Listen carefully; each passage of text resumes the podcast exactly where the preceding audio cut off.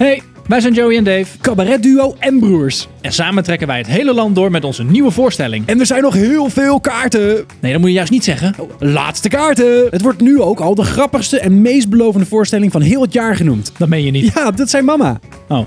Voor meer informatie en kaarten, kijk op joeyandave.nl. Een Astrolabs podcast. Welkom bij Normale Mensen Bestaan Niet, de podcast over psychologie waarin wij vieren dat geen mens gelijk is. Want zeg nou eerlijk, heb je ooit wel eens een normaal mens ontmoet? En zo ja, beviel dat? Wij zijn Lennart Thoma en Thijs Launsbach, psychologie-nerds, schrijvers en goede vrienden. En in deze podcast behandelen we de onderwerpen uit de psychologie waarvan we denken dat jij ze moet weten. Alles wat je wilde weten over hoe je in elkaar zit dus.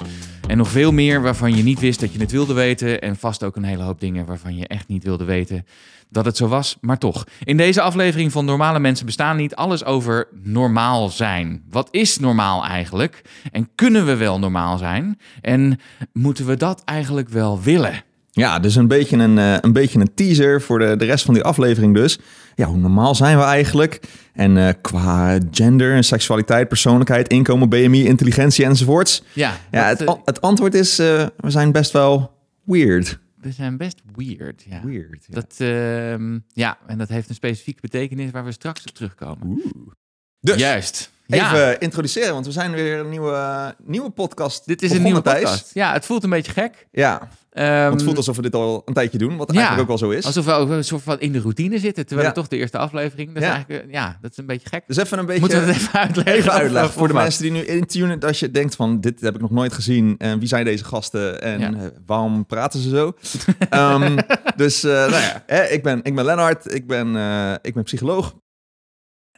Ik ben 35 alweer. Ik kom uit Maasluis. En heb twee kindjes en een vrouw. Ehm, en ik ben ook consultant. En tegenwoordig eh, zie ik ook cliënten. Eh, dus heb ik ook een eigen praktijk. Eh, en dus ik heb een paar boekjes geschreven. Ik spreek wel eens. Eh, nou, en ik heb samen met deze olijke gast Thijs een hele leuke podcast gehad ook. En nu deze hele vette podcast. Wat Ja. eigenlijk ook een klein beetje een vervolg is. Ja. Zo meteen eh, wat meer Ja, over. en ik ben. Thijs, eh, eh, ook opgeleid als psycholoog. Ehm, ben uiteindelijk niet de therapiekant opgegaan, maar ben wel andere dingen met mijn werk gaan doen of met het vakgebied gaan doen. Mijn werk gaat eigenlijk altijd over hoe kun je nou een beetje jezelf staande houden in een wereld waarin veel van je wordt verwacht. Het heeft ook wel weer raakvlakken met de vraag naar wat is normaal eigenlijk. Hè? Want eh, als de wereld helemaal niet zo normaal is, hoe zijn wij dan normaal? Ehm, en eh, nou, ik, schrijf, ik schrijf ook boeken. Ehm, ik, eh, en ik, ik sta ook wel eens op podia dingen Wel uit eens. te leggen over dit soort dingen. Ik schrijf bijvoorbeeld veel over stress en burn-out. Nou, dat is een onderwerp waar veel over gepraat wordt. Dus mijn werk bestaat eigenlijk uit, uit dit soort gesprekken voeren. Of op papier zetten of, of op een podium, podium doen. Ehm, en, eh, en ja, de- hoe, hoe zit dat nou? Wij hebben dus een, een podcast gehad. Ja. Eh, die, Die heet Hoe ben je zo? Hoe ben je zo? Kan je nog steeds beluisteren. Ja, wordt ook nog veelvuldig gedaan. Heel erg veel tot beluisterd. onze grote, groot genoegen en, eh, en enige verwondering. Ja. Ehm, maar, en dat was een podcast die ging over persoonlijkheidsverschillen. Ehm, dus dat ging over waar, waar mensen van elkaar in verschillen. Er is een hele, een, nou ja, laten we zeggen, een heel, heel researchveld in de psychologie over ehm, hoe zitten mensen in elkaar en hoe zijn mensen ook anders van elkaar. We hebben het voornamelijk in die podcast gehad over de Big Five, wat, wat een, een soort gangbare manier is van naar persoonlijkheid kijken.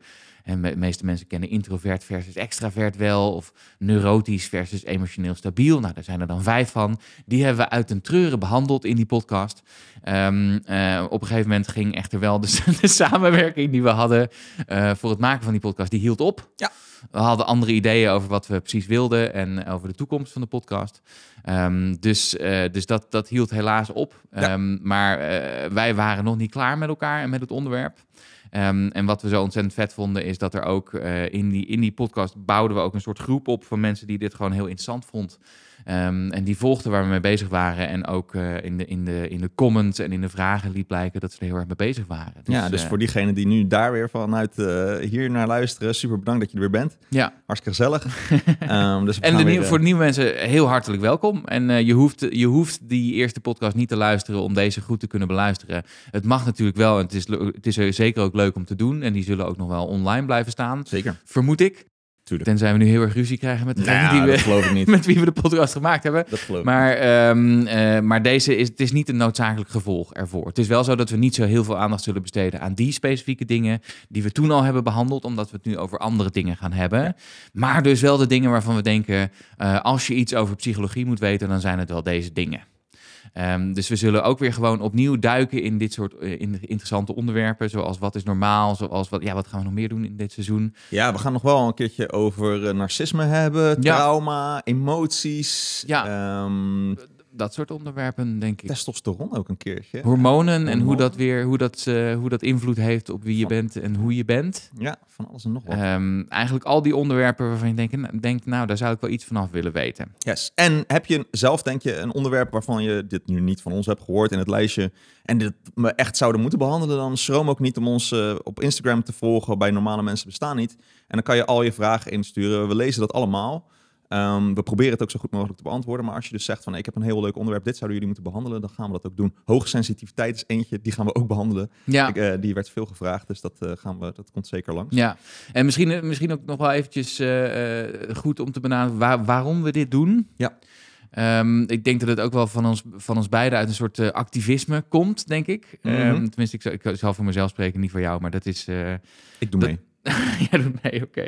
Nou ja, weet je, we weten ook uit cijfers dat mentaal gezond zijn in de maatschappij zoals die nu is, eigenlijk steeds ingewikkelder wordt. We krijgen steeds meer mentale problemen.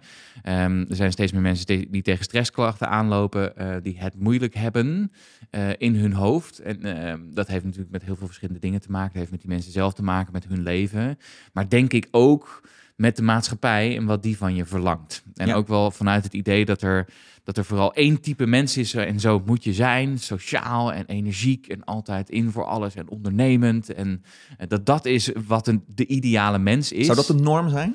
Ik zou zeggen, nou ja, het is... Het is hmm. Het gestreefde norm. ja, het is, het is een, een verwachting die op ons wordt gedrukt, Ja. zou ik zeggen. ehm, die zich maskeert als de norm. Dus we denken dat dat normaal is, maar dat is eigenlijk niet normaal, zou ik zeggen.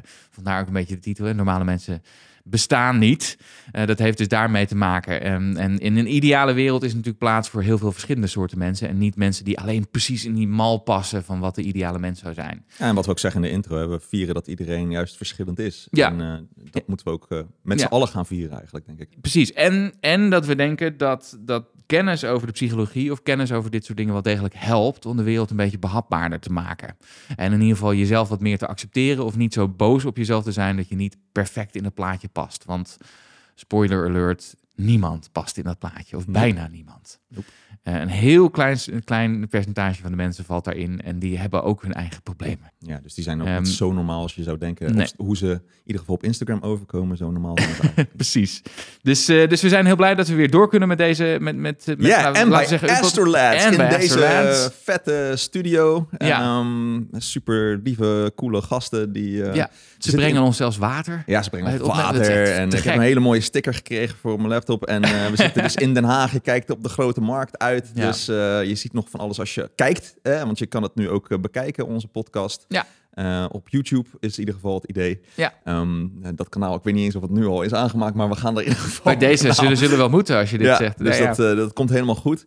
Ehm, en natuurlijk kan je het gewoon beluisteren overal, maar dat, eh, dat heb je al door, want je Ja. bent aan het luisteren. Dus dat. Hey, Hey, zullen we gewoon eh, eh, gaan beginnen? ja, misschien, maar misschien nog wel heel eventjes, want we hebben natuurlijk de laatste keer dat we iets hebben opgenomen was in het, in het voorjaar, denk ik. Toen hebben we een aantal dingen opgenomen, de laatste aflevering opgenomen van die specifieke podcast. We gaan nu weer opnieuw starten met normale mensen bestaan niet. Ehm, misschien wel even goed, eh, is er nog iets waar je mee bezig bent geweest de afgelopen tijd? Oh ja, Want ik weet dat jij bijvoorbeeld nu opeens psychotherapeut bent. ja, Jij ziet mensen. ja. Ik zie Vinden die mensen dat ook oké? Tot, tot op heden wel. Oké. Mm, maar dat moet nog blijken op de lange termijn of ze dat nog oké vinden. Maar inderdaad, ja, ik, ehm, ik had een tijd geleden, was ik, had ik al dat ik een aantal cliënten zag. En dat ik meeliep met een maat van mij die ook eh, zijn eigen psychologenpraktijk heeft. En eh, dat vond ik toen eh, best wel leuk. Ik liep met hem mee. Ik begon dat een beetje te leren. Uiteindelijk had ik ook een aantal eigen cliënten. Ehm, en dat was best wel interessant en leuk om te doen. Toen werd het toch wat druk met ander werk en ook weer nieuw boek schrijven en weet ik veel wat, dat ik het toen even gepauzeerd had. Ehm, en ik, ik, ik, ik, miste misschien nog ergens iets van een, een duidelijk handvat hoe ik die therapie echt ging doen.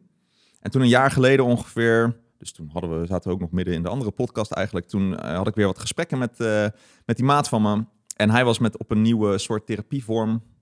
Had hij, was die opgestuurd en die vond hij helemaal eh, geweldig. En dat ging hij vertellen. En toen dacht ik, oh, dat is super interessant. Eh, Intensive Short-Term Dynamic Psychotherapy heet het. Ja, dat ga je nooit onthouden. Ja. ISTDP.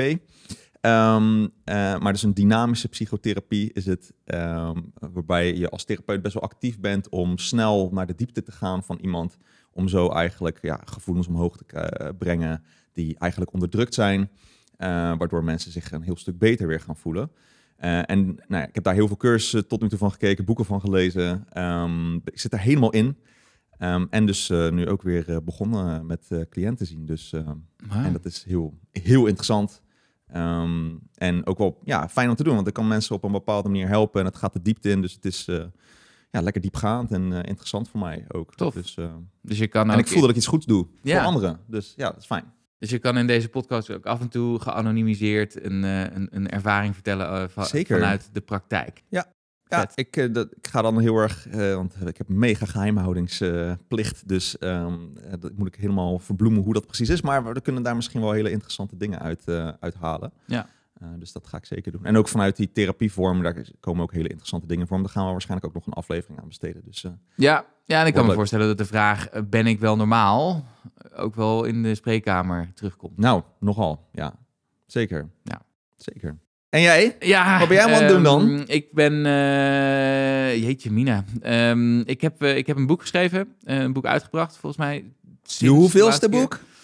Mijn zevende boek. Kanon, Zevende boek. En het, het boek heet Asociale Media. En het gaat over de invloed van sociale media op je psyche. En ehm, eh, nou, hoe we, laten we zeggen, emotioneel en anderszins worden eh, gemanipuleerd door sociale media platforms. Zullen we ongetwijfeld ook nog wel iets in zeggen in een van de afleveringen, want er is genoeg over te zeggen. Ja, vet. Ehm, maar, eh, maar het is iets waar ik heel boos over ben. Ja. Eigenlijk hoe meer ik bezig wa- was met, het, met het onderzoek daarvoor, hoe, hoe bozer ik werd. Ehm, en ik dacht, het is tijd om daar iets over te, over te schrijven. Ehm, eh, en dat, ehm, nou, dat, het, het boek gaat dus over eh, eigenlijk wat je zelf kunt doen in je leven tegen de invloed van, eh, van social media platforms die je niet wil hebben Ja. in, je, in je hoofd. Maar ook over welke regels er moeten komen, wat mij betreft. Ehm, nou, eh, heeft het helaas niet eh, geleid tot een enorme revolutie sinds het uitkomen van het boek in mei. Wat, maar wat niet eens kan nog komen natuurlijk. Hey, you never know. Ehm, eh, maar ik, ik, ik, ik, heb wel, ik ben een aantal keer uitgenodigd om daar iets over te zeggen op een, op een landelijk platform. Ehm, dat was heel tof. Ja, je hebt bij Ehm, Jinek gezeten ook. en bij Jinek, ja, Ja, leuk. en laatst nog bij Humberto. Ja, super vet. Ja. Zag het. Waar het gesprek eigenlijk voornamelijk ging over het feit dat Monica Geuze wel eens eh, 20 uur per, per dag op TikTok had gezeten. Maar goed, dat, eh, was een heel ander verhaal. Ehm, over normaal gesproken of niet normaal. Mhm. Nou, ook, daar, ook daar kun je je natuurlijk je vraagtekens bij, st- bij stellen. Maar dus het, is, het heeft nog niet geleid tot een, tot een enorme shockwave. eh, en, en het feit dat we nu en masse onze social media hebben verwijderd. Ehm, maar wat het wel heeft gedaan, is dat ik ook eh, ben benaderd ook door, voor Europese wetgeving waar ze nu mee bezig zijn. Die gaat eh, tegen addictive design. Oh, shit. Ehm, dus er is een, een, eh, een, een, een EU-parlementariër, hoe noem je dat? Ja, een Europarlementariër, eh, Kim van Sparrentak van GroenLinks. Die, ehm, die eh, is bezig geweest met een, met een wetsvoorstel eh, Europees over het terugdringen van addictive design. Dus al die lekker verslavende features van, eh, van social media. Ehm, dus dat was ook wel tof, want dan kon ik ook een aantal dingen in, in terug laten komen. En dat zag ik ook vervolgens in dat wetsvoorstel weer terugkomen. Dat is super vet. Super vet. Het is natuurlijk maar de vraag of dat er doorheen komt. Nou, je maar, hebt toch ehm, invloed, mister? Zeker, dus dat Holy is, dat is heel tof. En ik heb op Lowlands gestaan. Dat, Ja. dat was een grote, grote droom van mij. toen ik op mijn eh, 14e, 15e voor het eerst naar Lowlands ging als bezoeker. Toen dacht ik, ah, ik wil daar ooit een keer staan als rockster. Maar goed, dat was het dus niet. Maar ik heb er wel gestaan met een, met een praatje. Dus het was echt eh, heel erg vet. Stiekem toch gewoon een rockstar, hoor. ja, precies. Holy Dus, eh, dus that- that's been happening. En een hoop meer, maar dan... Heel cool. ja, in ieder geval deze dingen. Heel cool. Dus, maar tof om er weer te zijn. Ja, man. Ook. Ja. Leuk. Ja, zin in. Ja, en het Gaan we een heel seizoen doen. Elke week weer een nieuwe aflevering online. Precies. En uh, traditiegetrouw, eh, nou zijn we weer een kwartier verder voordat we echt aan het Ja. kunnen beginnen. Dus Sorry. Sorry. nou, Ja. oké. Oké, normale mensen bestaan niet. Ja, dus normaal, dachten, hè, eh, precies. Dus, dus laten we gelijk dat thema maar even Yes. bij de, bij de va- eh, vatten. Hoe? Hoe, ja? De hoorns vatten. Hoorns, De wat, koe bij de hoorns Ja, joh. vatten. Iets. In de, klad, de koe in de kladden. Laat maar. Dus. Ehm, ja, maar normaal. En Normaal, dat is is iets het? waar we over wi- wilden praten. Ja. Want ehm, ja, Dat is de titel van de podcast. is de titel van de Misschien nou ja, het is niet voor niks natuurlijk de titel van de podcast. Het is omdat wij ook eh, eh, vraagtekens stellen bij het idee van normaal. Van wat is normaal en is er een normaal? Ja. En wat zou dat dan zijn? Ehm, en nou ja, misschien is, het, misschien is het handig om toch nog even te checken van... hey, ehm, dat, die, dat standaard plaatje of de standaard mens of de John Hoe Doe... ziet die eruit? Ja. Hoe ziet hij er dan uit en, en ehm, eh, passen wij daarin? Pas- Passen wij in dat plaatje? Wat, ja, misschien kunnen we eens wat dingen noemen over wat, wat is dan normaal? Ja, ja, ja. Dus eh, nou ja, dingen als modaal inkomen. Modaal inkomen, ja, dat is dus het inkomen dat de meeste mensen... Dat is niet het gemiddelde inkomen, Nee. dat wordt meestal niet... Want, want dan heb je uitschieters naar boven toe. En die trekken En het gemiddelde die trekken omhoog. het gemiddeld omhoog. Maar dus wat je doet, is je neemt het, het inkomen blok... Waar de grootste waar de hoeveelheid grootste- mensen in ja, zitten, toch? precies. En Daar zit ik volgens mij wel in. Ja. Dus check. Ja, ik- Gewone genderexpressie. een gewone Wat genderexpressie. de hel is dat? Wat op zich natuurlijk al een reden is om, eh, om een beetje boos te worden als je dat zegt. Ja. Ehm, maar eh, hè, we, we leven nog wel in een wereld waarin ehm, nou, die heteronormatief is, zullen we maar zeggen. Waarin eh, heteroseksuele mensen als, als norm worden verhe- ver- verheven. Is En ook de, grootste groep. Het is ook de grootste groep, maar dat betekent natuurlijk niet ehm, dat dat de standaard moet zijn. Ehm, maar voor ons allebei Maar een check. Ehm, seriële monogamie had Check. ik er nog bij gezet. Ja, dus, eh, dus, dus één partner tegelijk, maar dan wel verschillende relaties achter elkaar door de jaren heen. Wat Heb ook jij in Hoe ben je zo niet een keertje iets genoemd over... eh, ja, gaat hij snel even een slokje drinken? Maar oké, you know Geen- what I mean. Geen commentaar. Polyam polyamoreuze iets, something. Eh, Eh, next. Twee kinderen, check. ja, jij wel. En nog een Ik, jongetje en eh, een meisje ook, dus ik ben helemaal... Precies, jij zit precies in dat standaard plaatje. Yes, sir. Ehm, ik niet. Eh, wel iets dat ik zou willen, maar ehm, eh, momenteel nog niet. En dan ben ik eh, voor wat normaal Wat is, is- redelijk oud natuurlijk voor, Hey, voor zo'n eh, is zo'n van heel opkomen, mister. Ja, een IQ tussen de 20 en de 100... 80. Sorry, sorry, de IQ tussen de 80 en de 120 20 is wordt een als normaal IQ. beschouwd. Ja, ik, ehm, ik denk dat ik net 100... Ik heb het één keer gedaan, toen kwam ik op 118, 120 zo. Dus ik Oh ja, eh, zit net... Dus ik eh, net aan de bovengrens van, eh, ja, van wat ja, normaal is. zit op het randje. Ik zou eigenlijk niet weten wat mijn IQ, Ik denk dat Thijs slimmer is, dus Thijs is bovengemiddeld. Min, geen checkje, vinkje voor jou. Ik ga nog goed. Ik, zit, ik heb alle vinkjes. Semi-gezond. Oké, Ja, ik heb tilbalkanker gehad en een raar ding aan mijn hoofd. Maar dat is nu allemaal goed. Dus ik vind mezelf Ja. zeker semi-gezond. Ja.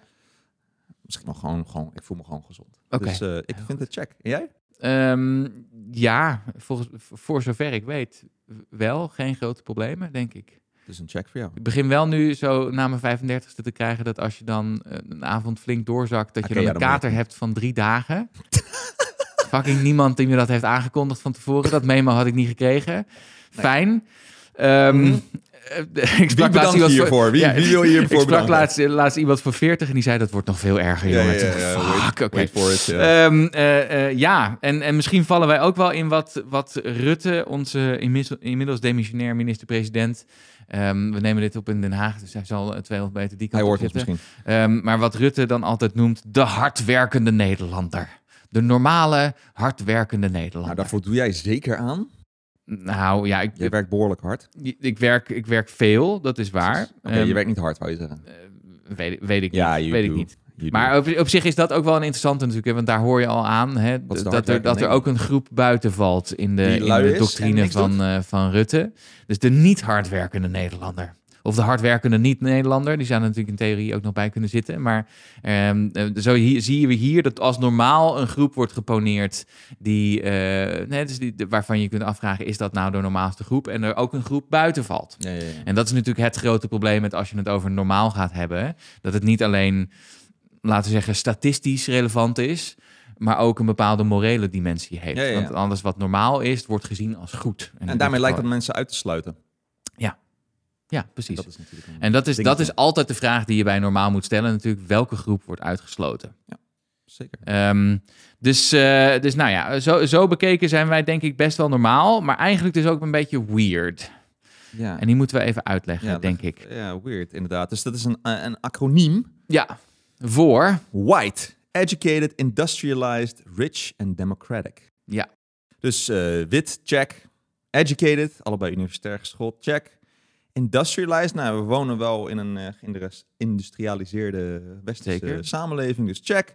rich vergeleken Een van met de rijkste landen ter wereld. de Dus rijkste ja. landen ter wereld. Dus ja, check. Democratisch, ja, check. Ja, als je een paar corrupte eh, VVD-bewindslieden niet meetelt, dan zijn we redelijk democratisch. Ehm, sorry, ik ben wel een beetje, ben een beetje, bent een beetje een salty. Naar, dat is, dat, dat Ja, doet we zitten in Den Haag, dus kijk uit voor Doet politieke... Den Haag met mij. ja, blijkbaar. Eh, maar eh, wat is nou dat idee van weird? Ehm, dat we in een wereld leven waarin een bepaalde norm wordt verheven tot wat normaal is. Maar eigenlijk wordt die norm ingegeven door niet wat het gemiddelde is van de hele, hele wereldbevolking, maar door een vrij specifieke groep geprivilegeerde ehm, westerse eh, mensen. En hoe zit het nou? Nou, bijvoorbeeld als je het hebt, en dat is, dat is waar wij natuurlijk veel over gaan spreken, eh, over, over psychologische kenmerken die we zien als normaal. Mhm. Ehm, eh, dan wordt eigenlijk het, het, het, onderzoek dat daarnaar gedaan wordt, het onderzoek dat naar psychologie wordt gedaan, eigenlijk altijd met een hele specifieke set eh, van mensen getest. Ja. En dat zijn dus die mensen die eh, eh, over het algemeen hoog opgeleid zijn, eh, wit zijn, rijk zijn, in democratische landen leven en in, in laten we zeggen, ver- industrieel vergevorderde landen leven. Want Dus- even, even praktisch gezien, de wetenschappers die zitten op de universiteiten in die westerse landen. Daar krijg je ook natuurlijk goed betaald. Daar kan je veel onderzoek doen. En met wie doen ze dan het meeste onderzoek? met hun Met studenten. Want die zijn, die moeten, hè, dus ik, dat had jij ook, denk ik. Maar wij moesten voor studiepunten voor psychologie, moesten we meedoen aan x aantal onderzoeken in de eerste paar jaar. Want anders dan eh, mocht je gewoon niet door naar het volgende jaar. Ja, Ehm, dus je moest meedoen aan onderzoeken en dan ben je gewoon een van die eh, proefpersoontjes. ja.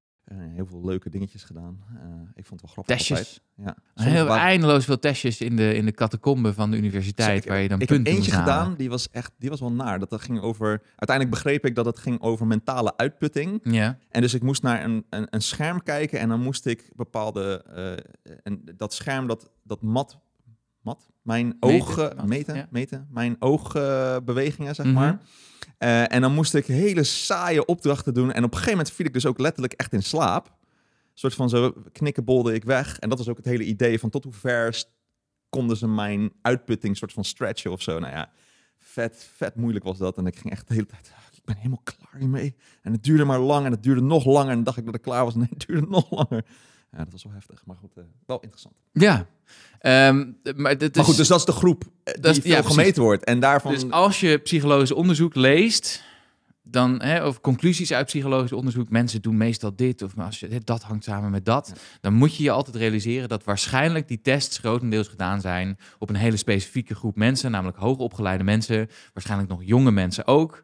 Ehm, eh, waarschijnlijk dus grotendeels ook eh, psychologiestudenten. Wat is, dat is nou eenmaal hoe het werkt. Want je moet je voorstellen, als je een psychologisch onderzoek wil doen, moet je dat onder een grote groep mensen doen. Hè? Dus je N moet redelijk groot, je, proefgroep moet, moet redelijk groot zijn. Wat betekent dat je heel veel mensen een bepaald taakje moet laten doen. Ja. Nou, dat kost een hoop geld en dat is een hoop werven. Wat je ook gewoon kunt doen, is tegen de eerstejaarsstudenten zeggen: je moet sowieso eh 50 uur doorbrengen in het laboratorium, want dat is goed voor je ontwikkeling en daar hebben wij ook wat aan. Ja. Ehm, dus dat moet je wel realiseren. Dat het meeste Gratis. onderzoek, dus over wat, ook over wat normaal is, is eigenlijk getest op, een hele, op een hele gekke, specifieke, ehm, eh, eh, specifieke normgroep. Zeg Dus maar. daarom ook altijd goed om, als je dan die onderzoeken leest, om even de methode te checken waar ze dat ook in hebben staan Ja. vaak. Van wat voor soort proefpersonen ze hebben gebruikt. Gelukkig zijn er ook al steeds veel meer onderzoeken, ook uit de Aziatische landen. Ja, Ehm, en die zijn altijd heel erg goed om ook nog even erop na te slaan en te checken. ja. Wat daar, want dat heeft gewoon flinke cultuurverschillen. En Ja. dat is wel interessant. Maar dan zie je dus nu al dat, dat het, ons beeld van wat normaal is, niet noodzakelijkerwijs hetgene is dat de gemiddelde mens in Nederland, laat staan de wereld, Ja. meemaakt, zeg maar. Hè? Ehm, dus, dus wat wij normaal, wat wij als de norm zien, dat verheft bepaalde groepen boven andere groepen.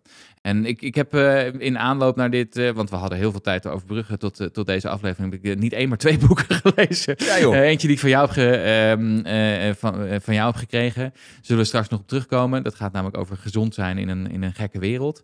Ehm, maar ook dit boek, en het, het boek heet Am I Normal? En van Sarah Cheney. En de ondertitel is The 200 Year Search for Normal People and Why They Don't Exist.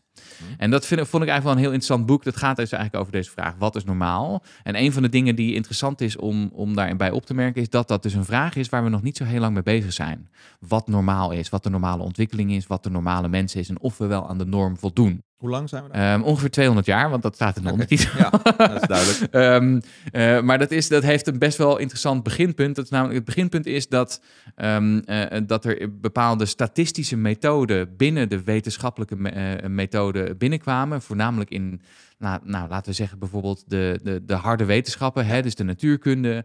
ehm, maar ook de sterrenkunde werd veel, hè, de, de, de astronomie, daar werd veel eh, gebruik gemaakt van statistiek. En op een gegeven moment kwam er iemand, volgens mij heet die man Ketelet, een Belg. Ehm, die kwam op het idee van kunnen we die statistische dingen niet toepassen op mensen? Mhm. En dan kijken wat er normaal is en wat er niet normaal Ja. is. Eh, en dat is eigenlijk het moment dat de statistiek de menswetenschap binnenkwam. En dat we dus kunnen gaan kijken naar wat, wat geldt voor de meeste mensen. En de meeste mensen doe ik dan even met, ademhaling, eh, ademhalingstekens, met aanhalingstekens. Neem even een, eh, slokje adem. Ja. Ademen, rustig blijven ademen. En dat is eigenlijk het moment dat we dus normen gingen opstellen voor wat normaal is of niet. En bijvoorbeeld een van die, van die dingen die, die we nog steeds enigszins gebruiken is, is bijvoorbeeld BMI. Mhm. En BMI is, is eigenlijk een maat voor is je gewicht normaal voor je lengte. Ja. En dat is nou typisch zo'n maat die wordt, wordt bewerkstelligd door heel veel mensen te testen. En dan te kijken waar zitten de meeste mensen. Eh, en wat je dan krijgt een soort normaalverdeling. Hè? Dus die, die, dat, een, Ja. een, een, een verdeling van, eh, de- nou, die, die je heus wel kent als, als luisteraar. Hè? De meeste mensen in bell-curve. Ja. Ja, precies. De- Waar, Waar, naar buiten gaat. heel veel mensen in het midden zitten. En hoe verder je naar buiten gaat, hoe minder mensen daarbij zitten. Vandaar dus krijg je dus een belverdeling. Nou denk ik overigens dat BMI niet per se een, bel, een belcurve heeft. Want het heeft een ander nulpunt. Je hebt een absoluut nulpunt en er zit natuurlijk niemand. Want niemand is 0 kilo. Maar er zitten wel heel veel mensen veel, veel hoger dan dat. Ja. Ehm, eh, maar het is wel zoiets dat, dat min of meer normaal verdeeld is. Net zoals lengte bijvoorbeeld. Ja. En als je dat dan ziet, dan zie je dus, nou ja, laten we zeggen, 68% van de mensen zit binnen één, afstand, eh, één standaardafwijking van het eh, gemiddelde. eh 98% zit binnen twee, zes, zes, Ja, ja, je zegt heel 98. goed. Je gaat heel goed. twee standaardafwijkingen van het gemiddelde. Dat zal dus wel normaal zijn. Ja. Maar het enige wat je dan doet, is dus kijken hoeveel mensen zitten waar in zo'n verdeling. Ja, en je kijkt dan heel erg naar het gemiddelde. Ik zat ook te denken, eh, ik weet niet hoe, hoe jij daar naar kijkt, Thijs, van is wat wij normaal vinden, even tussen Mhm. aanhalingstekens dus, eh, is dat meer het gemiddelde of de mediaan die we vaak gebruiken? Hè? Dus Ja. even voor, als je denkt, wat de hel zegt die? Ehm, hè, dus het Ik wil toch eh, is... de- het podcast luisteren over psychologie, niet over fucking statistiek. Ja, maar het, dit is, dat gaat over de norm. Dus en we hebben het even over statistiek, dus je moet even mee. Het is goed voor je statistische eh, opvoeding. Precies. Dus gemiddelde, hè, natuurlijk, eh, je hebt zoveel cijfertjes, daardoor je gedeeld door de hoeveelheid mensen, Ja. is het gemiddelde. Ja. Eh, is soort een, ja, een beetje de midden, lijkt een beetje de middenscore. En de mediaan is welke van die punten door de meeste mensen, eh, zeg maar het hoogste of het groepje, zeg maar, of degene met de, het groepje waar de meeste mensen in zitten. Dus als dat eh, bijvoorbeeld lengte is 1 meter 75 of 1,80 meter, daar zitten de meeste mensen in, dan is dat de mediaan. Kan zijn dat het gemiddelde misschien wel 1,75 is. Ja. Dat je wat uitschieters hebt naar klein toe, ik zeg maar wat. Ik ben een beetje klein, dus ik eh, hoop dat het eh, gemiddelde wat lager is. in Nederland is dat niet zo. Ehm, maar, ehm, eh, dus wat vinden we dan meer de norm, denk je? Ja, ik denk dat het heel erg, heel erg afhangt, verschilt per punt. We hadden het dus net over, en dat verschilt ook ehm, in, in hoe liggen die verdelingen nou eigenlijk. Mhm. Hè? Dus we hadden het net over mediaan inkomen, of modaal inkomen. Ja, dat maar. lijkt meer mediaan. eh, Ehm, eh, ja, en dat doe je omdat de meeste mensen natuurlijk tussen, laten we zeggen, de 20.000 euro en de 60.000 euro inkomen Ja. zitten. Eh, maar er zijn mensen die een miljoen inkomen hebben. dus als je dan het gemiddelde neemt, dan zit je veel te hoog ten opzichte wat de- van, wat de meeste mensen verdienen. Dus daarom neem je de meest voorkomende. Ehm, eh, Nou ja, met eh, inkomen is dat heel logisch dat Ja. we dat dan soort van, dat hebben we blijkbaar op een of andere manier bepaald met z'n allen, dat dan modaal inkomen dat is. Ja. Maar ik kan me voorstellen voor andere dingen eh, dat, we, ehm, eh, dat we afwijken van wat het gemiddelde is, maar meer kijken naar de mediaan. Omdat daar de soort van in onze ogen de meeste mensen in zitten. Ja, Ehm, eh, misschien, ik weet het niet, met intelligentie is het gemiddelde is 100, altijd. Ja. Maar misschien als je, en dat hangt natuurlijk ook een beetje af in welke soort context of omgeving je je begeeft. Maar dat we toch eigenlijk een beetje het gevoel hebben dat misschien wel de, de meeste mensen, of wat een beetje de norm is, wat we ook eisen van iedereen, is misschien wel 110 Ja. in plaats van die 100. Want Ja. we, ik denk dat als je, eh, en dat spreek ik ook vooral voor mezelf, ehm, ik, ik kom niet zo heel veel mensen tegen die echt een laag IQ hebben. Ik Nee. spreek die gewoon niet. Of die, zijn, die, zijn, die, die zie ik niet. Ik zie ze niet op straat lopen. Of weet ik. Of misschien ja, zie ik ze wel op straat lopen, maar heb ik het niet door. Mhm. Eh, maar ik, kom veel, ik spreek veel mensen die toch best wel een hoog IQ hebben. Ja. Ehm, nou goed, dus dat natuurlijk ook van mijn perceptie en de context waar ik me in begeef. Mhm. Ehm, eh, en ook in organisatie heb ik ook altijd het idee dat ik best wel veel slimme mensen spreek. Mhm. Maar niet zo heel veel domme mensen, om het even heel Nee. gemeen te zeggen. Nou Dus- is de vraag natuurlijk ook, of- merk je dat aan mensen? Hè? Want het is best lastig om vanaf de buitenkant te zien wat iemands intelligentie is. Tuurlijk. Omdat het niet alleen maar te maken heeft met hoe ze praten bijvoorbeeld, maar Tuurlijk. ook heel veel andere dingen. Maar ook wel mensen die nu luisteren en denken, hoe kan het nou... Hoe kan het dan dat het gemiddelde intelligentie dan precies 100 is? Ja. ja dat, is dat is gewoon omdat dat, omdat dat de afspraak is binnen intelligentieonderzoek. Dus we nemen IQ is altijd gemiddelde 100. Dus we zoeken het gemiddelde en dat noemen we 100. En Ja. daar, daar meten we de rest aan af, zeg Precies, maar. hè? dus ze zeggen ook wel dat in de afgelopen 50 jaar eh, eigenlijk als we niet dat hadden veranderd, dat gemiddelde hadden veranderd, dat we dan een aantal IQ-punten omhoog zijn gegaan. Ja, dus ge- volgens mij gemiddeld 15 punten in 30 jaar of zo. Dat Ja. noem je het Flynn-effect. Ja. Dus mensen worden gemiddeld slimmer. Maar goed, die normgroepen die schuiven dus ook op. Ja, dus dus je blijft gewoon weer 100. Blijft gewoon op 100.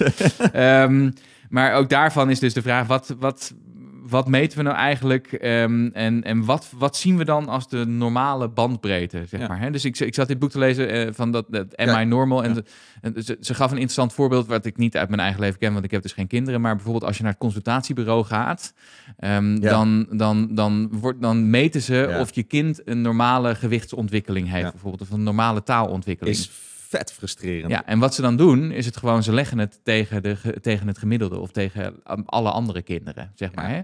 Dus dat geeft alleen maar een, een, een maat ten opzichte van de normgroep. Maar dat zegt eigenlijk niks over normale ontwikkeling. Zeker niet. Eh, maar het interessante is dat, dat, en dat is de verwarring waar we wel vaker op terug zullen komen, is dat de verwarring ontstaat wanneer je ervan uitgaat dat het niet, hè, dat een statistische maat, zoals wat normaal is of wat het gemiddelde is, eigenlijk het goede is. Juist. En dat afwijken van die maat dus niet, goed, is. Nou, dat doen ze dus echt op het consultatiebureau. Echt vet frustrerend. Is dat ze... Mijn, eh, eh, mijn zoontje is gewoon behoorlijk tenger. Ja. En die eh, heeft dus... we zijn dus een aantal keer aangesproken op dat hij...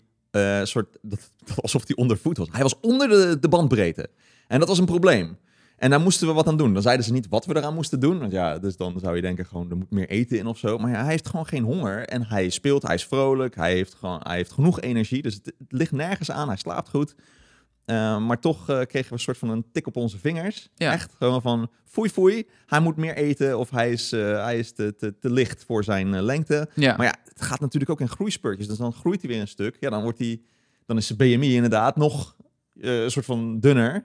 Terwijl, ja, er is eigenlijk niks aan de hand. En mijn dochtertje was dan weer te zwaar, want dat is gewoon een beetje mollig. Klein meisje. Ja, Uh, ja die, die, die wordt dan snel te zwaar. Is ja. maar dat, dat, die verwarring ontstaat dus wanneer je, laten we zeggen, een statistische maat verheft tot een morele maat, zeg Mhm. maar. Hè? Ja. Uh, van dit is niet goed als je daar boven of daaronder zit. Terwijl er zitten natuurlijk altijd kinderen onder of boven wat het gemiddelde is, of een bepaalde bandbreedte rond het gemiddelde. Tuurlijk. Want Ontwikkeling dat is wat gaat ook- ja, en ontwikkeling gaat niet lineair omhoog. Nee. Zoals dat grafiekje wat ze dan Ja. laten zien. Dan zie je zo'n bandbreed zo omhoog gaan. Ja. That's not how it works, weet je. Ja, of, of met, taalontwikkeling van, Precies. van kinderen. Is het normaal dat mijn kind nu pas praat of nu al praat? Ja. Die vraag, dan, dan moet je dus heel erg goed gaan nadenken van wat bedoel je dan precies met normaal? Ja. Ehm, nog, nog één punt uit, uit, dat, Ja. uit dat boek, want ik vond het nog wel interessant, want we hadden het net, net over wat is nou het gevaar Mhm. wanneer je een bepaalde specifieke groep neemt als zijnde de norm voor iedereen die dat niet is. Ehm, en nog een voorbeeld dat zij, eh, dat deze schrijfster eh, noemt, ehm, gaat over eh, wat nou als je dat doet binnen medisch onderzoek. Want er is ook medisch onderzoek eigenlijk heel lang op een hele specifieke groep, eigenlijk een beetje die weird samples eh, gedaan. Mhm. En dan ook nog eens voornamelijk op mannen, want die- waren gewoon voorhanden en die schrijven zich wat makkelijker in voor, voor medicijnonderzoek. Wat is daar nou de consequentie van? Dat ze bijvoorbeeld bij een, be- ik, ik ben even de specifieke eh, slaapmiddel ben ik even kwijt, maar een bepaald slaapmiddel hadden ze getest op mannen Mhm. en daar de dosering op aangepast. En pas tien jaar later kwamen ze erachter dat, laten we zeggen, vrouwen door hun andere, net iets andere metabolisme, dat net iets anders verwerkte, dat slaapmiddel. Waardoor zij met de dosis die ze dus op mannen hadden geënt, 's ochtends vroeg nog wakker werden en nog een beetje deest van het slaapmiddel. En misschien ook wel potentieel gevaarlijk in de auto gingen zitten, omdat ze gewoon nog hartstikke onder invloed waren van een slaapmiddel. Dat is de consequentie van niet goed nadenken over wie is de normgroep die je includeert. Ja. En wie zie je als de norm. En dat is natuurlijk, er zijn verschillen tussen mensen. En als je alleen maar witte mensen neemt in een normgroep, dan zie je misschien niet dat sommige medicijnen eh, eh, genetisch ander aansla- eh, anders aanslaan op mensen van een andere huidskleur. Ja. Ehm, dat, Sikkelcelziekte volgens mij is daar ook eh, Ja, heel erg ja. bij eh, mensen met een wat donkere huidskleur vaker voorkomt, maar dus dat niet werd meegenomen en heel lang niet is onderzocht ja, en geen medicijnen voor zijn ontwikkeld, want ja, eh, die normgroep hebben we niet en Ja. dus zien we die ziekte niet zoveel en Ja, precies. Dus dat is de tragiek van zelf niet inzien dat het gek is dat je bepaalde mensen niet includeert in je normgroep. En als je dat dan verheft tot wat normaal is voor de rest van de wereld, vallen daar gewoon een hele hoop mensen buiten. Ja. Met potentieel best wel gevaarlijke consequenties. Ja. Oké, dus, Dus- dat, dat, is, eh, eh, dat, is, eh, dat is wat we dan hebben. Wat sowieso al het probleem is met, met normaal. Maar nou krijgen we nog het probleem dat wat normaal is ook onderhevig is aan allerlei verschillende dingen. mhm. Want, ehm, nou ja, is, dus, dus wat normaal is, is contextafhankelijk, zou je kunnen zeggen. Mhm. Ehm, dus bijvoorbeeld eh, eh, vinden we het normaal als je op een dag duizend selfies van jezelf maakt? Nou, meestal niet. Hè? De meeste mensen zullen zeggen dat is best wel narcistisch gedrag.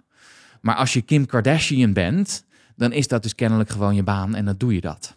Ja. Duizend selfies is wel heel veel hoor. is heel kan ik me zo voorstellen. Krijg je niet een lamme arm van, vraag ik, vraag ik mezelf dan af. Maar goed, zal dat is dan zijn in de voor, voor Kim Kardashian is dat wel normaal, Ja. zeg maar. Hè? Ja. Ehm, en is, is heel hard schreeuwen en schelden en tieren voor de televisie op wat je daar ziet, is dat normaal? Nou, dat zullen de meeste mensen zeggen, dat is een beetje gek als je dat doet. Tenzij maar je nou, voetbal eh, eh, precies, kijkt. nou is, het, eh, nou is het tijdens het WK en, en je, je landenteam speelt. En dan is dit dus gewoon totaal normaal gedrag. Hetzelfde gedrag, andere context, opeens wel normaal. Dus dat als je nu voor Ajax bent, volgens mij een beetje. dan, ja, dan ben je, was het sowieso huilen. Ja. Maar, ehm, eh, eh, eh, maar hè, dus, dus, of nog een, of een, een laatste nog. Hè, je handen zo vaak wassen dat je er blaren van krijgt of dat het pijn doet. Daarvan zullen psychologen zeggen, nou, dat is toch, hè, dus als je daar uren per dag mee bezig bent, dan, dan is dat een teken van, van obsessive compulsive disorder. Dat is niet normaal gedrag. Maar nou is het eh, maart 2020 en zegt de minister-president bij elke toespraak dat je je handen stuk moet wassen voor, laten we wel wezen en het nog maar even heel duidelijk zeggen, een luchtwegvirus. Maar goed, ehm, dan, dan is het dus opeens wel normaal om nogal neurotisch je hand, de hele tijd je handen te wassen. Dus ook wat normaal is, is contextafhankelijk en is niet universeel of zo. Dat is wel Mhm. handig om te weten. En er zijn ook nog eens culturele verschillen tussen wat normaal is en wat niet normaal is. Hè, ehm, ik, was, ik was van de zomer in Japan. mhm. De hele andere normen over wat normaal is. Jij bent er ook volgens mij geweest. Ik heb Je daar vier je maanden gezeten. je ja. kent zelfs een beetje, je, Ja. je spreekt zelfs een beetje Japans. Totaal andere normen over wat normaal is of niet. Daar krijg je de opdracht in de trein ehm, wel je telefoon op zacht doen, want we willen geen last van je hebben. En dan kom je hier in Nederland in de trein. Dan gaan mensen dus zitten, gaan eh, specifiek in de eerste klas zitten om daar uitgebreid te gaan zitten bellen en Ja. een telefonische verga- vergadering te doen. Ehm, hier, als je tatoeages hebt, dan is dat eigenlijk min of meer normaal. Je hebt ook allemaal Ja. tatoeages. Ehm, eh, hele toffe Rorschach-testachtige tatoeages. Ehm, als je in Japan eh, tatoeages hebt, dan mag je de meeste badhuizen niet in, omdat dat gezien wordt als een teken dat je bij de maffia hoort. Ja. Dus, ook, ja, dus ook daarin zijn hele andere normen over wat normaal is en wat niet normaal is. Heb, Dat- jij, heb jij nog iets te zeggen? Nee, ik eh, ben ik het... eh, merk dat ik heel lang, heel lang ja, nee, maar ben. ik ben het eh, roerend met je eens. Ja, weet je, we hebben gewoon heel veel verschillen tussen mensen. Ik heb ook dus eh, in, die, in een vorige studie voor psychologie cross-cultural management gehad. Daar leer je gewoon continu over al die verschillen tussen culturen. Ja, Eh, het individualisme versus eh, mensen die veel meer in de gemeenschappen denken. Wat onder andere Japan en eh, China en dergelijke eh, eh, culturen ja, heel veel hebben. Hè? Dus die denken in groepen. In plaats van dat ze in individuen denken. Ja, dat is totaal anders ten Ja. opzichte van hier, weet je wel. Ehm, ik vond het altijd hilarisch om te zien dat ze daar toch wel enigszins probeerden om eh, in Japan, en misschien heb je dat ook al gezien op de straten, dat ze toch een soort individualisme proberen te hebben, maar dan wel in de context van een groep. Dus je ziet groepjes lopen die exact hetzelfde gekleed zijn, maar die zijn totaal anders gekleed weer dan een hele andere groep. Of hebben andere haarstijlen of zo. Heel uniek proberen ze eruit te zien, Ja. maar wel binnen het groepje, weet je. Ja. Dat is, ik vond het zo mooi. collectief anders zijn. Juist, ja. Dus, eh, dus dat is interesting. Maar goed, eh, Ehm, ja. Ja, dus de verwarring ontstaat wanneer je eigenlijk, eh, om het zo nog maar even ik heb volgens mij heb ik het al een paar keer gezegd, maar de verwarring ontstaat wanneer je een descriptieve norm, Ja. met andere woorden, een, een, een norm of een, of een maat die je neemt over wat gangbaar is, of wat veel voorkomt, als je die verheft tot een prescriptieve norm over wat normaal zou moeten zijn. Ehm, en ja, dus de- de- dan moet ik altijd denken aan dat akkefietje dat er op een gegeven moment was, een paar jaar geleden. Heel iconisch tussen, nogmaals, Rutte en, en Wilders. Ehm, dat, dat, dat, hè, doe eens normaal, doe zei, zelf een normaal. eh, zei Wilders tegen Rutte, volgens mij, over Whatever. een bepaalde wetsvoorstel. Van, en eh, Rutte zei tegen Wilders, doe zelf eens een keertje normaal. Ja. En die bedoelt daar dan niet mee, eh, re- reageer zo ehm, als de meeste mensen zouden reageren. Dat is niet- het normaal dat ze bedoelen. Het normaal dat ze bedoelen is, ehm, nou ja, Voeg je naar je mijn- zoals Ja. het je betaamt, Ja. zeg maar. Hè? En zoals we het allemaal normaal vinden. Nou ja, en voeg je naar de waarden en normen die ik heb, zeg maar. Ja. Dat is ook een beetje wat ze proberen te bedoelen. Precies. Nou gaan we nog één stap ingewikkelder maken, met, eh, want we moeten ook een beetje naar de tijd kijken. Ja, ja, ja. Ehm, maar anders eh, moeten we er een beetje in knippen. Want ik heb nog een ander boek van je gekregen en dat is deze. Ehm, The Myth of eh, Normal. een fantastisch boek van Gabor Maté. Eh The Myth of Normal, de mythe van normaal. En eigenlijk is, eh, je mag straks, eh, ben ik heel benieuwd over wa- wat, wat jij ervan vond en, en wat ook de reden was dat je hem eh, aan mij hebt gegeven destijds. Maar ik heb hem braaf gelezen in de zomer. Ehm, nou, nou komt hij. Dat, eh, dus eigenlijk Gabor Maté stelt de vraag, wat nou als wat wij als normaal vinden, als dat ons eigenlijk ziek maakt? Dat is een hele interessante. Maar wat, eh, wat, eh, wat, wat, wat waren jouw gedachten hierover, over de mythe? Ja, dus ik vond, ik vond het ook, het is gewoon een heel interessant boek om te lezen inderdaad, dat hij gewoon onze huidige maatschappij een beetje aan de, aan de kaak stelt van, nou ja, wat, wat, wat, wat wij normaal vinden, is dat wel normaal? Wat wij abnormaal vinden, is dat dan wel zo abnormaal? Hè? Mensen die bepaalde ziektes hebben of zo, of hè, geestesziektes, weet ik veel, als ze schizofreen zijn, is, vinden we dat, wij, wij stoten die mensen best wel af in onze maatschappij. Mhm. En we vinden, eh, die stoppen we in een inrichting of weet ik veel wat. Maar ja, is dat niet ook gewoon onderdeel van mens zijn? En kunnen we die niet toch een bepaald plekje geven in onze maatschappij? In plaats van dat we zeggen, ah, jij bent gekkie, ga jij maar lekker weg. En we zien je nooit meer. Mhm. Eh, totdat je misschien weer een keertje normaal bent. Eh, eh, en, dan, en dan stoppen we er heel veel pillen in. En dan hopen dat je dan een beetje normaal gaat doen. En dan is het oké. ja. Ehm, maar helpt dat ons of, of, of, of maakt het ons nog zieker? Of hè, hebben we dan iets waar we eh, continu voor naar moeten streven? Eh, hè, natuurlijk ook met alles, nou ja, je social media boek Mhm. ehm, eh, maakt ook dat we natuurlijk moeten streven naar een bepaalde, ja, iets wat we heel knap, mooi, intelligent, slim, hardwerkend en succesvol en rijk, weet je wel. Zou dat dan de nieuwe norm moeten zijn? En want dat is wel wat we een beetje gaan beginnen te denken allemaal met z'n allen. Wat ook weer ons heel erg ongezond maakt. Want we gaan ons dan zoveel druk opleggen. Ja. Ja, ja dat gaat niet helpen. Ehm, en nou, ik gaf het boek aan jou, want jij hebt ook um, een boek geschreven wat er enigszins een beetje in dezelfde strekking Ja. is. Je bent al genoeg. Eh, eh, van hey, je bent al goed zoals je bent. Je hoeft niet jezelf continu te verbeteren. Hè, de Hoe ben je zo podcast heette toen ook. Ja. anti-zelfverbeteringspodcast. Eh, Nou ja, en, en ook laten we zeggen, de, de, de normen die we vanuit de maatschappij opgelegd krijgen, die maken ons soms ziek. Dat Ja. maakt het zo ingewikkeld. Ja. Ehm, en dat is. levert heel eh, veel stress op. ja, precies. Dus dat is. De, de- Ik moet toch gewoon hartstikke goed functioneren. Ik moet toch gewoon een goede baan hebben. Ik moet toch gewoon een leuke relatie hebben. Kinderen krijgen. Ja. Enzovoorts, enzovoorts. Terwijl, ja, dat, dat, dat Nou ja, bepaald en- van buitenaf. Ja, dus la- laten we zeggen, 20 jaar geleden, in de jaren 80, 90. pff, Jezus, ik word oud man. Ehm, de 20, 30 jaar geleden had je, eh, had je een woord voor mensen die werkverslaafd zijn. Dat waren workaholics. Ja.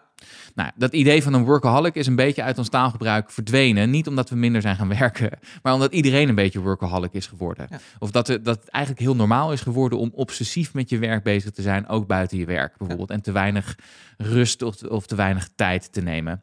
Ehm, en we, we, leven, we, we leven op een bepaalde manier in de maatschappij zoals die nu is, waarvan je kan afvragen wat normaal is. Is dat eigenlijk wel zo gezond? Is het zo normaal om zes uur per dag naar een scherm te kijken? Ja. Is dat zo gezond? Of maakt dat ons juist ziek, zeg maar? Hè? Als je kijkt naar, naar generatie Zetters, eh, die, eh, die, die vijf, zes, soms ze- zeven uur per dag naar TikTok kijken. Ja, dat is voor hen normaal, maar maakt dat ons ziek, is de vraag. Nogal. Ehm, En het is, uh, uh, Mathé begint volgens mij met een quote van, van Erich Fromm, ook een van mijn favoriete eh, psychologen uit de jaren 50. eh, die veel met, met, met maatschappij bezig was. En, en Erich Fromm zegt eigenlijk min of meer: ja, het is helemaal niet normaal om in een ongezonde maatschappij normaal te zijn. Dat is juist hartstikke ongezond, zeg maar. Hè?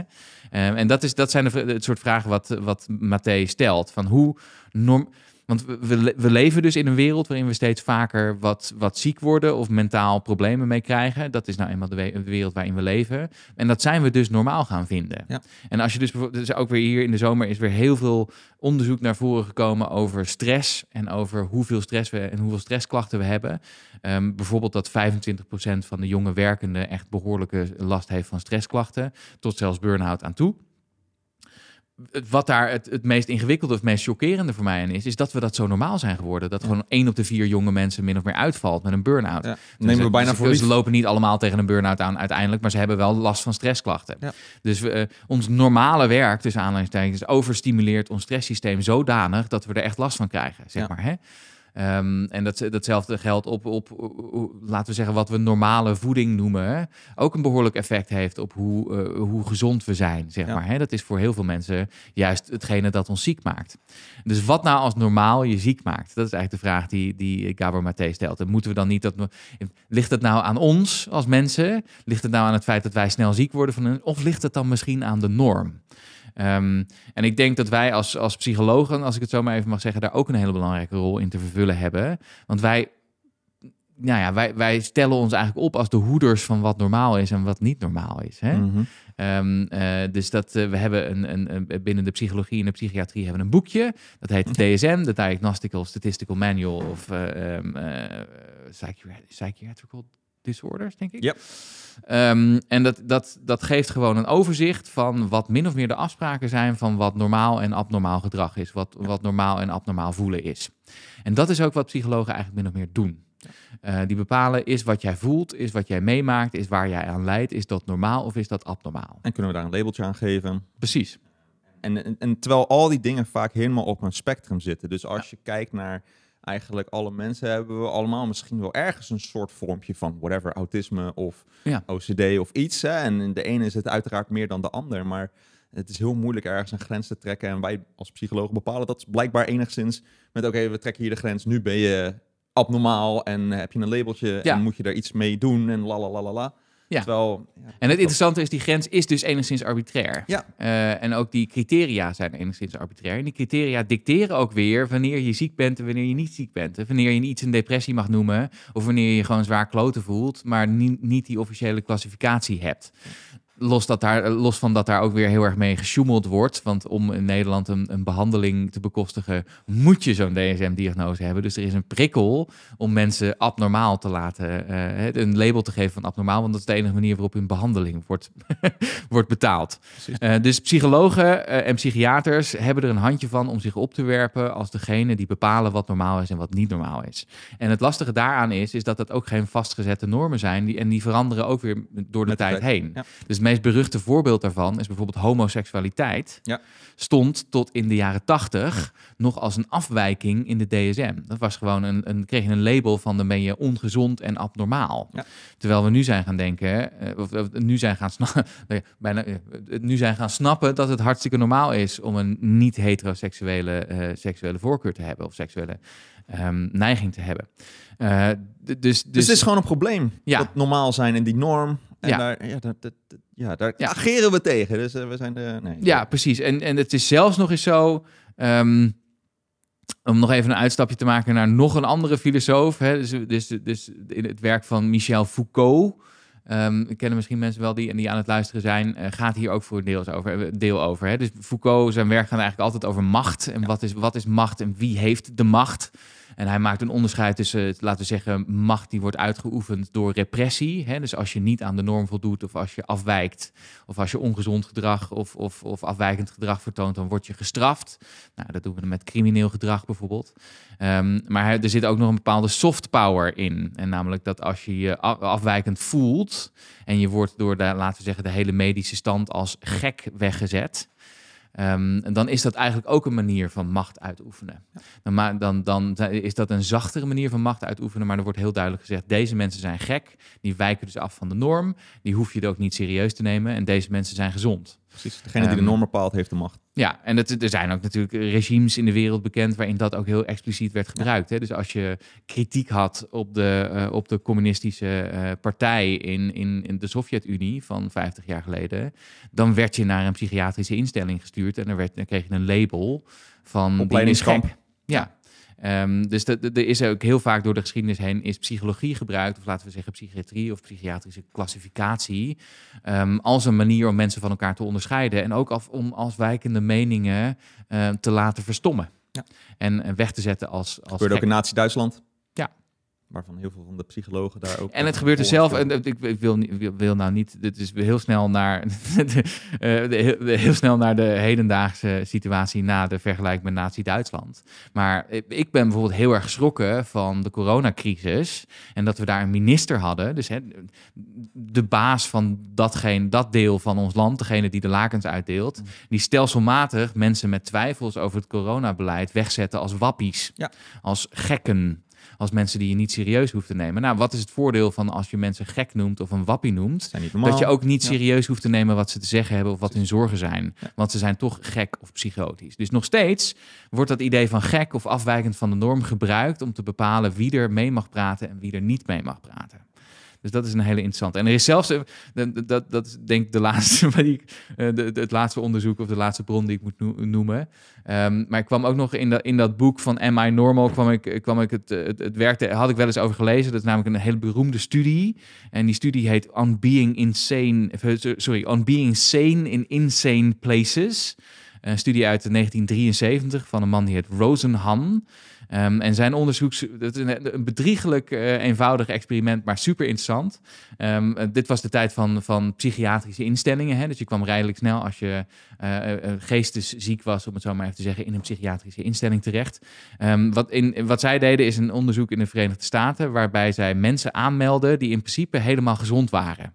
En die zeiden, alleen bij het aanmeldproces zeiden die, ik zie stemmen, ik, ik, ik, ik hoor stemmen of ik zie dingen die er niet zijn. Hè? Dus ik heb hallucinaties. Ja.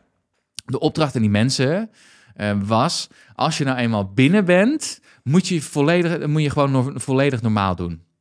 Ehm, en het lastige daaraan was, is die mensen die kwamen niet meer weg uit die psychiatrische instelling. Want toen ze daar eenmaal zaten, werd dus al hun normale gedrag, dat gewoon eigenlijk helemaal normaal was, dat helemaal niet afwijkend was, werd geïnterpreteerd door de psychiatrische stand als afwijkend. Ze zeiden, ja, maar deze persoon is heel oppositioneel, of die doet nooit mee, of die stelt overal vragen bij. Dat is niet de bedoeling natuurlijk. Hè? Dus met andere woorden, als je eenmaal in een psy- psychiatrische instelling zit, dan word je gewoon gezien als gek en dan wordt het ook op die manier geïnterpreteerd. Ook al ben je dus volledig normaal en gezond. Bizar. Het Rosenhan-experiment. Precies. en dat is denk ik ook, dat moet je wel realiseren en dat moeten psychologen zich ook realiseren en mensen die naar een psycholoog gaan, is dat die labels die je krijgt ook best wel normstellend zijn. Ehm, eh, de, en ook wel dat eigenlijk die, die, die normen in de DSM, eh, laten we zeggen, hè, dat, die, dat handboek, en de criteria daarin eigenlijk zo breed gesteld zijn dat als je, hè, we, we kijken nu al een tijdje, tenminste ik kijk een tijdje naar, naar achter jou, naar, naar wat er daar allemaal gebeurt op de grote markt in, eh, Mhm. in Den Haag. Als je iemand van die mensen hier naar binnen zou halen en een batterij psychologische test zou geven, Altijd dan komt er waarschijnlijk een DSM-classificatie uit. Zeker. Dus zo abnormaal is dat niet. Je kunt altijd, er loopt altijd, dus er bestaan geen normale mensen met wie het altijd goed gaat in hun leven, zeg maar. Die bestaan gewoon niet. Iedereen heeft een bepaald hoekje eraf. Ehm, eh, en we moeten denk ik dus de, de mythe doorprikken van de normale mens met wie het altijd goed gaat en die hartstikke gezond is. Precies. Bam. Bam! Nou, gelijk Goed. dan even overgaan Jeetje, tot... Mina zeg. Wat een lang verhaal. Excuus. Volgende aflevering worden wat korter. Maar nu nog even iets, even iets quirkies, even iets eh, grappigs tussendoor. Want we hebben het dus over niet normaal zijn en ook over unieke mensen. Maar hoe uniek ben je nou eigenlijk? Wat zijn nou eigenlijk de kansen? De kans, wat is nou eigenlijk de kans dat jij überhaupt leeft en bestaat? En als je die kans weet, schrik je je helemaal een hoedje. En dan kom je eigenlijk tot de realisatie dat je misschien best wel uniek bent. Want er is dus een of andere kerel, Dr. Ali Binazir, die eens voor de grap dacht: ik ga eens even de kans uitrekenen dat jij op deze planeet eh, er bent en bestaat. En hoe klein is nou die kans? En wat hij deed was eh, eerst een beetje gaan berekenen: oké, wat is nou de kans dat jouw eh, papa en mama elkaar hebben ontmoet? En hij berekent daar een beetje de kans op van dat dat eh 1 op de 20.000 is, omdat je ongeveer 10.000 mensen misschien wel, als je elke dag iemand van de andere sekse ontmoet tussen je 15e en je 40ste, nou, dat zijn ongeveer 10.000 mensen. Eh, die kom je dan dus eh, tegen. Nou, dat moet dan van beide kanten natuurlijk ongeveer gebeuren. Dus eh eh, twin- 1 op de 20.000 eh, is de kans dat je papa en je mama elkaar ontmoeten. Right? Nou, dat is Zo een beetje heteronormatief dit verhaal. precies. Maar hey, die, die krijgen kinderen en dat is waar jij uit geboren bent. Dus that's how it goes, right? Het moet, je hebt een papa en een mama. Iedereen heeft een papa en een mama. Maar Eh, technisch gezien. wel. Ja, technisch ja. gezien, dus eh, that's how it goes. Dus nou, oké. Dan moet er ook nog een kans zijn dat die eh, jongen het meisje zwanger maakt. Nou, dat is dan 1 op de 2000. eh, eh, want dan moet je weer zoveel keer seks hebben, weet ik veel wat allemaal. Je moet er zoveel keer mee praten of zo, voordat het natuurlijk leidt tot een keer seks enzovoort. Ehm, nou, hè, dus eh, zo eh, gaat het. Oh, is dat dan, hoe het gaat? Ja, Oké. dat is hoe het gaat. Dat je het even weet. Dan, moet, dan kan je natuurlijk ook nog eens kijken. jij bent een specifieke combinatie van een ei, een eicel en een spermacel. Ehm, een, een vruchtbare vrouw heeft ongeveer 100.000 eiercellen. Eh, ongemiddeld gezien. Hè, dan gaan we weer over een norm hebben. Maar dat moeten we even gebruiken in deze In statistiek. het hele leven, hè? Dus niet elke maand, maar in het hele In het hele leven, uiteraard, yes. En een man produceert 12 triljoen eh, spermacellen over de course van zijn eh, reproductieve leven. Ehm, eh, dus nou ja, zeg daar even een derde van. Zijn een beetje relevant voor de calculatie of zo heeft hij het over. Dus dat de juiste spermacel, de juiste eicel ontmoet, die jij dus bent, is 1 op de 400 kwadriljoen. Ja? Oké, nou dat moet dan ook nog eens niet alleen jouw vader en moeder hebben gedaan, maar eigenlijk helemaal terug tot aan begin der tijden, het eerste levensvormpje, eh, die dat ook allemaal hebben moeten doen en allemaal hebben moeten overleven tot het punt waar jij bent. Nou, heel lang. Hij heeft uiteindelijk dat nog berekend alleen nog maar met de mensen, de humanoids. Je hebt ongeveer 150.000 generaties voor je aan mensen die dat dus allemaal hebben moeten doen. Nou, waar kom je dan uiteindelijk op? De kans dat jij bestaat is 1 op de eh 10 tot de macht 2.658.000. Oftewel, dat is een 1 met 2.658.000 nullen erachter.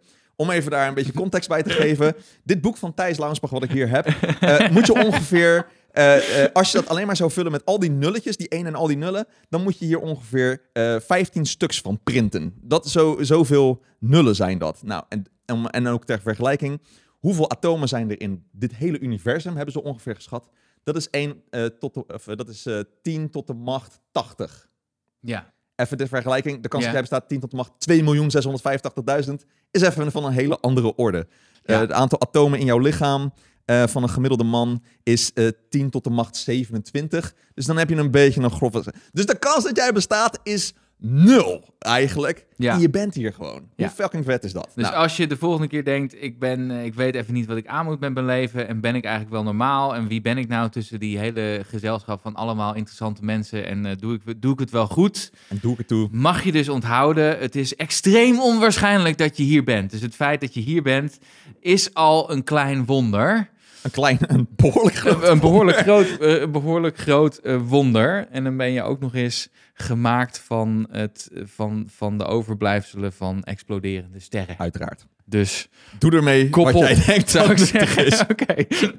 Nou, oké, dus wat kunnen we hier nou allemaal mee in Ja, jouw we, gaan, we gaan de afsluiting doen. En dan stel ik voor om niet de luisteraarsvraag te doen. Nee, want doen dat doen we de volgende keer. Want we hebben zo lang zitten lullen over van alles en nog wat. Dat we daar even geen tijd meer voor hebben. En die rant over Michael Pilarczyk voor de vraagsteller, die komt dan de volgende keer. Ehm, ja, wat kun je nou allemaal hiermee? Eh, nou, ik denk je realiseren dat het idee dat er één normaal is, dat eigenlijk waar je bij zou moeten horen, dat dat dus bullshit is. Yes. En dat dat stel- zelfs een idee is dat tamelijk gevaarlijk is. En dat dat ingegeven wordt door de verkeerde ro- normgroep, waar de meeste mensen dus niet aan voldoen. Ehm, en ook dat het idee dat je er alleen mag zijn als je tot wat normaal is. Hè, als je een beetje normaal doet, in de, in de woorden van Rutte. Ehm, of als je normaal bent of eh, zo normaal mogelijk bent. Ehm, eh, dat dat eigenlijk ook zorgt voor prestatiedruk die er eigenlijk niet, niet hoort te zijn. En misschien wel dat we naar een maatschappij toe moeten waarin plaats is voor veel meer mensen dan alleen een hele, heel strak idee over wat de norm is. Hè, waarin neurodiversiteit nodig, of mogelijk is. Dus waarin ook mensen die buiten de norm vallen, tussen aanhalingstekens, ehm, ook er kunnen zijn en gezien worden dat die ook talenten hebben en dat die ook iets bij te dragen hebben. En niet alleen als ze normaal zijn. Zo is het. Dus eh, ook als je mentale problemen hebt, andere gezondheidsproblemen, eigenlijk is dat gewoon. En dan denk je vaak, ja, ik ben niet normaal of ik heb een probleem of weet ik wat. Maar dat is juist heel normaal eigenlijk. Ja, precies. Eh, iedereen heeft wel iets.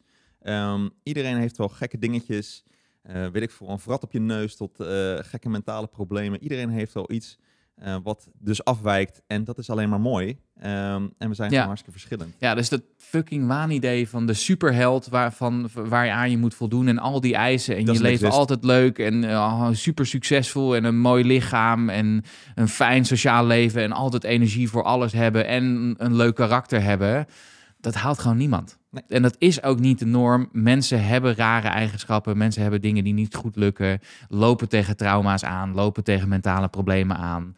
En dan Eh, nog ben je dus gewoon een wondertje van de wereld. Precies. Nou, wat een fijne, zalvende eh, conclusie van deze. Precies. Dus het is niet normaal om nooit problemen te hebben. Als je een probleem hebt, welkom bij de rest van de club. Je bent een mens. Gefeliciteerd. Dat is hartstikke normaal. En dan eh, komen we een beetje bij de afsluiting, eh Ja. Dus eh, Het is dus helemaal niet zo gezond om normaal te zijn in een Precies. gekke maatschappij. precies.